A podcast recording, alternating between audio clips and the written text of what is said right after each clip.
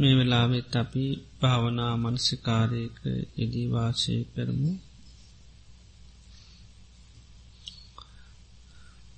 අපි විවිධ භාවනාකමේතයන් කියල දුන්න එකක් නාට කැමති දේවල් දිගට පුරුදු කරන්න පුළුවන්. තින් මේ වෙලාවෙත් අපි හවස දේශනා කරපු ඒ සුතවන්ත සූත්‍රයේ දේශනා කරලා තියනව පංචුපාදානස්කන්දයන්ගේ ආදීනුව බලන්න. අපි මේ වෙලාවේ එයාදීනුවන්ගෙන් එකක් භාවනාවස්යෙන් පුරුදු කරමු. තිං පොඩි වෙලාවක් විතරක් කරන්නම්. අනිත් අයට තමන් කරන භාවනාව හිත යොමු කරන ඉඩ පුළුවන්. අලුතෙන් පුහුණු වෙන කෙනෙකුට අපි කරන කමවේදේ පුහුණුවක් හැටියට කරන්න ඒ භාවනාමී වෙලායි පොඩි වෙලාවක් කරනවා. ඉන් පස්සේ කවුරුත් නිසද්දව අපි භාවනා මනස්කාරකයේ දීවාසය කරමු. ඒ දේශනයේදී බුදුරජාණන් වහන්සේ මේ සාධපතු මහරාතන් වහන්සේ පෙන්වා මේ පංචුපාදානස්කන්ද අනිත්‍ය වසයෙන් දුකාක්‍රෝගයක් ගඩුවත්වාලයක් ආදී වසයෙන් මේ පංචපාදානස්කන්දී තියෙන ආදීනව හොඳට සිහි කරන්න කියලා.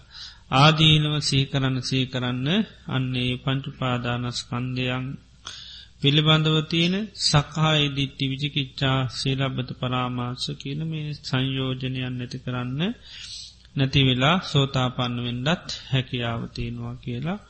ඒ වගේම ඒවාම තව දුරටත් දියුණු කිරීම තුළ සකදාගාම යනාගාම අරහත් කියන ඒ මාර්ග අරහත් පලේ දක්වාම අපේ මනස දියුණු කරන්න පුළුවන් භාවනා ක්‍රමයන් දෙ එනිසාපි ඒ භාවනා ක්‍රමයක් මේ වෙලාවේ පුද්දු කරමු කැමති කෙනෙකුට තොට ඒබා ඒ වගේ ක්‍රමවේදයන් වරින් වර පුරුදු කරන්න පුළුවන්කම ලැබෙනවා. හොඳ ඒ නිසා දැන් අපි ඒ පංචුපාදානස්කන්දයේ තියෙන ඒ ආදීනුව ස්වභාවේ නුවනින් විමසා බලමු. මේ කවුරුත් තමන් ඉන්න ඉරියාව හොඳට කෙලින්තියාගෙන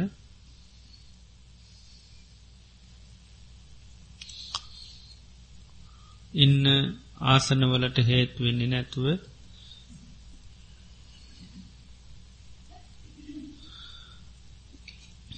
මං මේ මොහොතේ ඉඳගෙන ඉන්නේ කියල හොඳට කීපතා වත්සී කරන්න.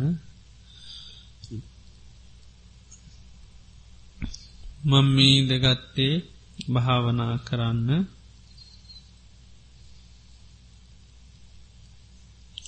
භාවනා කිරීමෙන් ලැබෙන ප්‍රතිඵලය හොඳට සේ කරන්න. භාවනා කිරීමෙන් මට සෙතක් සාන්තියන් යහපතක් වෙනවා. ජීවිතේ තියන සියලුදුක් කරදර පීඩාවන්දුරු වෙලා ජීවිතේට සෙතක් සාන්තියක් යහපතක් උදාපත් වෙනවා. එනිසාමම හොඳ සිහියෙන් හොඳ කල්පනාවේ මේ භාවනා මනසිකාරයේ මේ දීවාසය කරනවා කෙලත් සිහය පිහිටවා ගන්න.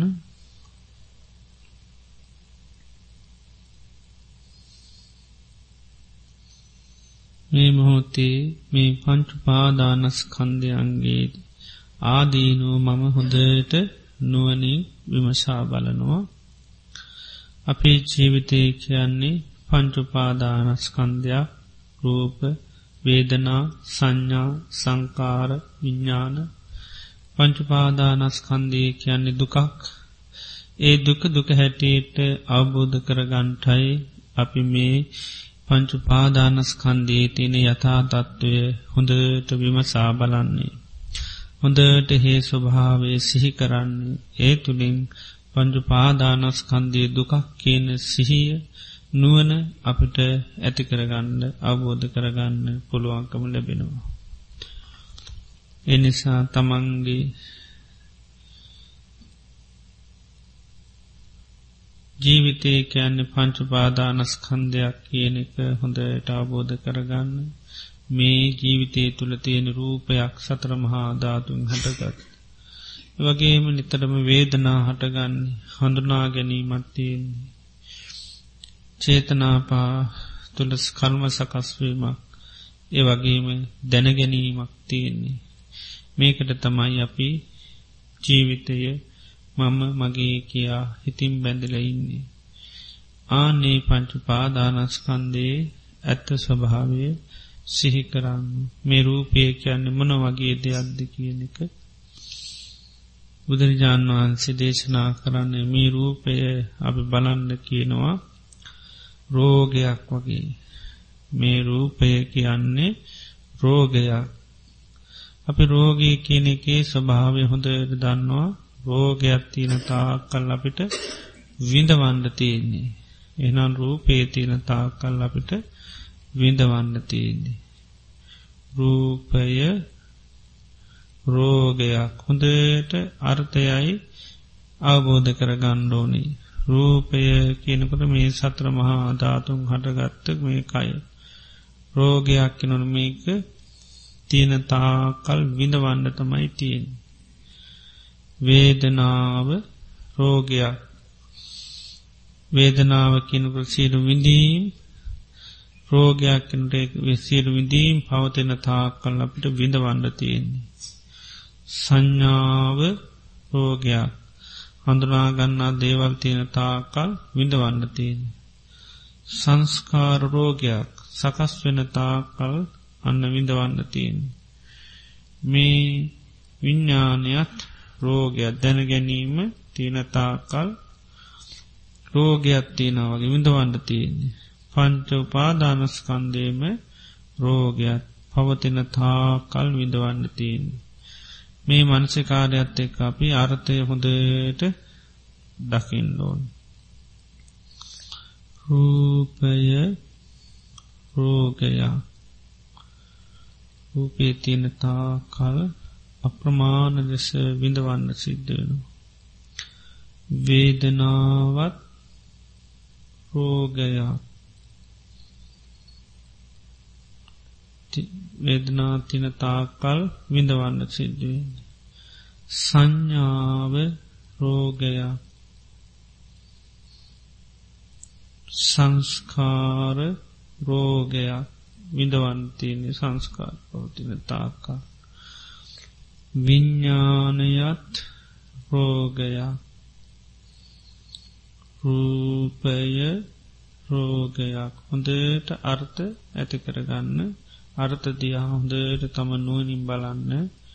රූපේ තියෙන තාකල් විඳවන්න තියෙන්නේ. වේදනාවත් රෝගයක්. සංඥාවත් රෝගයක්. සංස්කාරත් රෝගයක් විඤ්ඥානය රෝගයක් පංච උපාදානස්කන්දයම රෝගයක් පවතින තාකල් අප්‍රමාණ ලෙස දුක පීඩාව විඳින්න වෙනවා.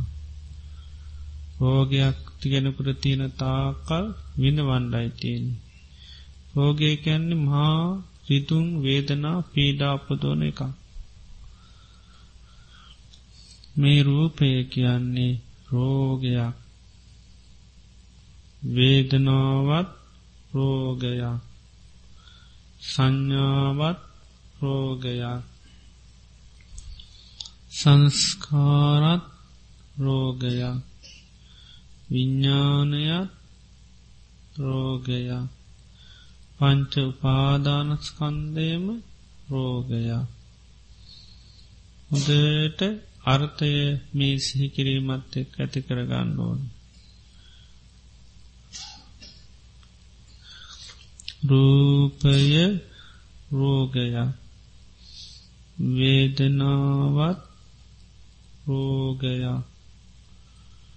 සංඥාවත් රෝගයක්. සංස්කාර රෝගයක් හොදට අර්ථය තමන්ගේ නුවනින් දකිින්ඩෝනි රූපේ තියන තා කල් විඳවණ්ඩයි තියන්නේ කෙන අර්ථය ඇති කරගන්නවා වේදනාව පවතින තාකල් විඳවන්නයි තියෙන්නේ. සංඥාව පවතින තාකල් විඳවන්න තියෙන්.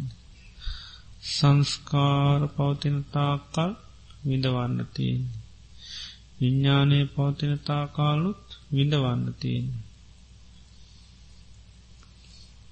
එනිසා මනසිකාරයත් සමඟ හොදට අර්ථය තමන්ගේ මනස නුවනින් දකිින්ඩෝන්. රූපය රෝගයක් කෙනකොට අර්ථය හොඳට තමන්ගේ නුවනින් අවබෝධ කරගන්න ඒ සඳහා හොඳට නුවන මෙහෙවන්නු. රූපය රෝගයක්. වේදනාවත් රෝගයක්. සංඥාවත් රෝගයක්. සංස්කාර රෝගයක්. විඤ්ඥානය රෝගයක් විඳවන්නතිී පංචුපාදානස්කන්දම රෝගයක්.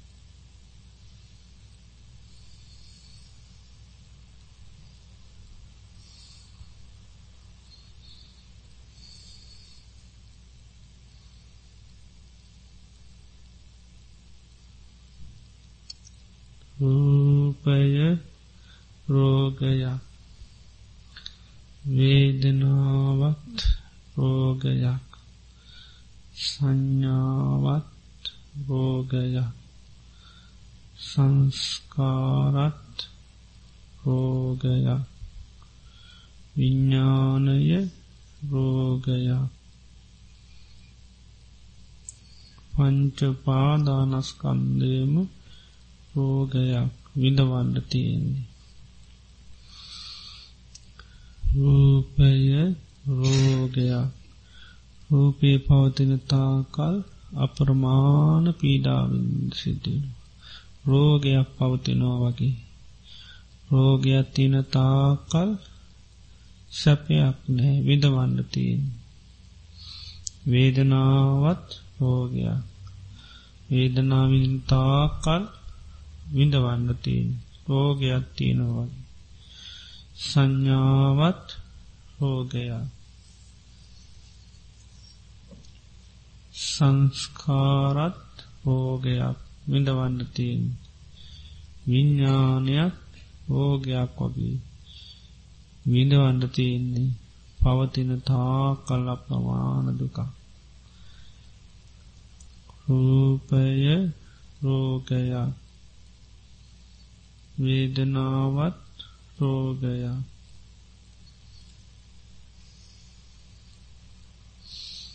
සංඥාවත් රෝගයක් විඳවන්නති සංස්කාර රෝගයක්. විඤ්ඥානය රෝගයක්.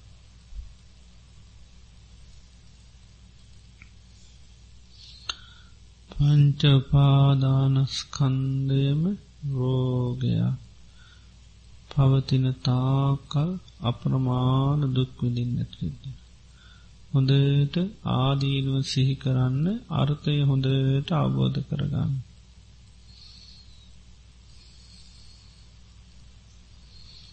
රූපය රෝගයක් ඕගයක් පවතනාවගේ විඳවන්න තියෙන.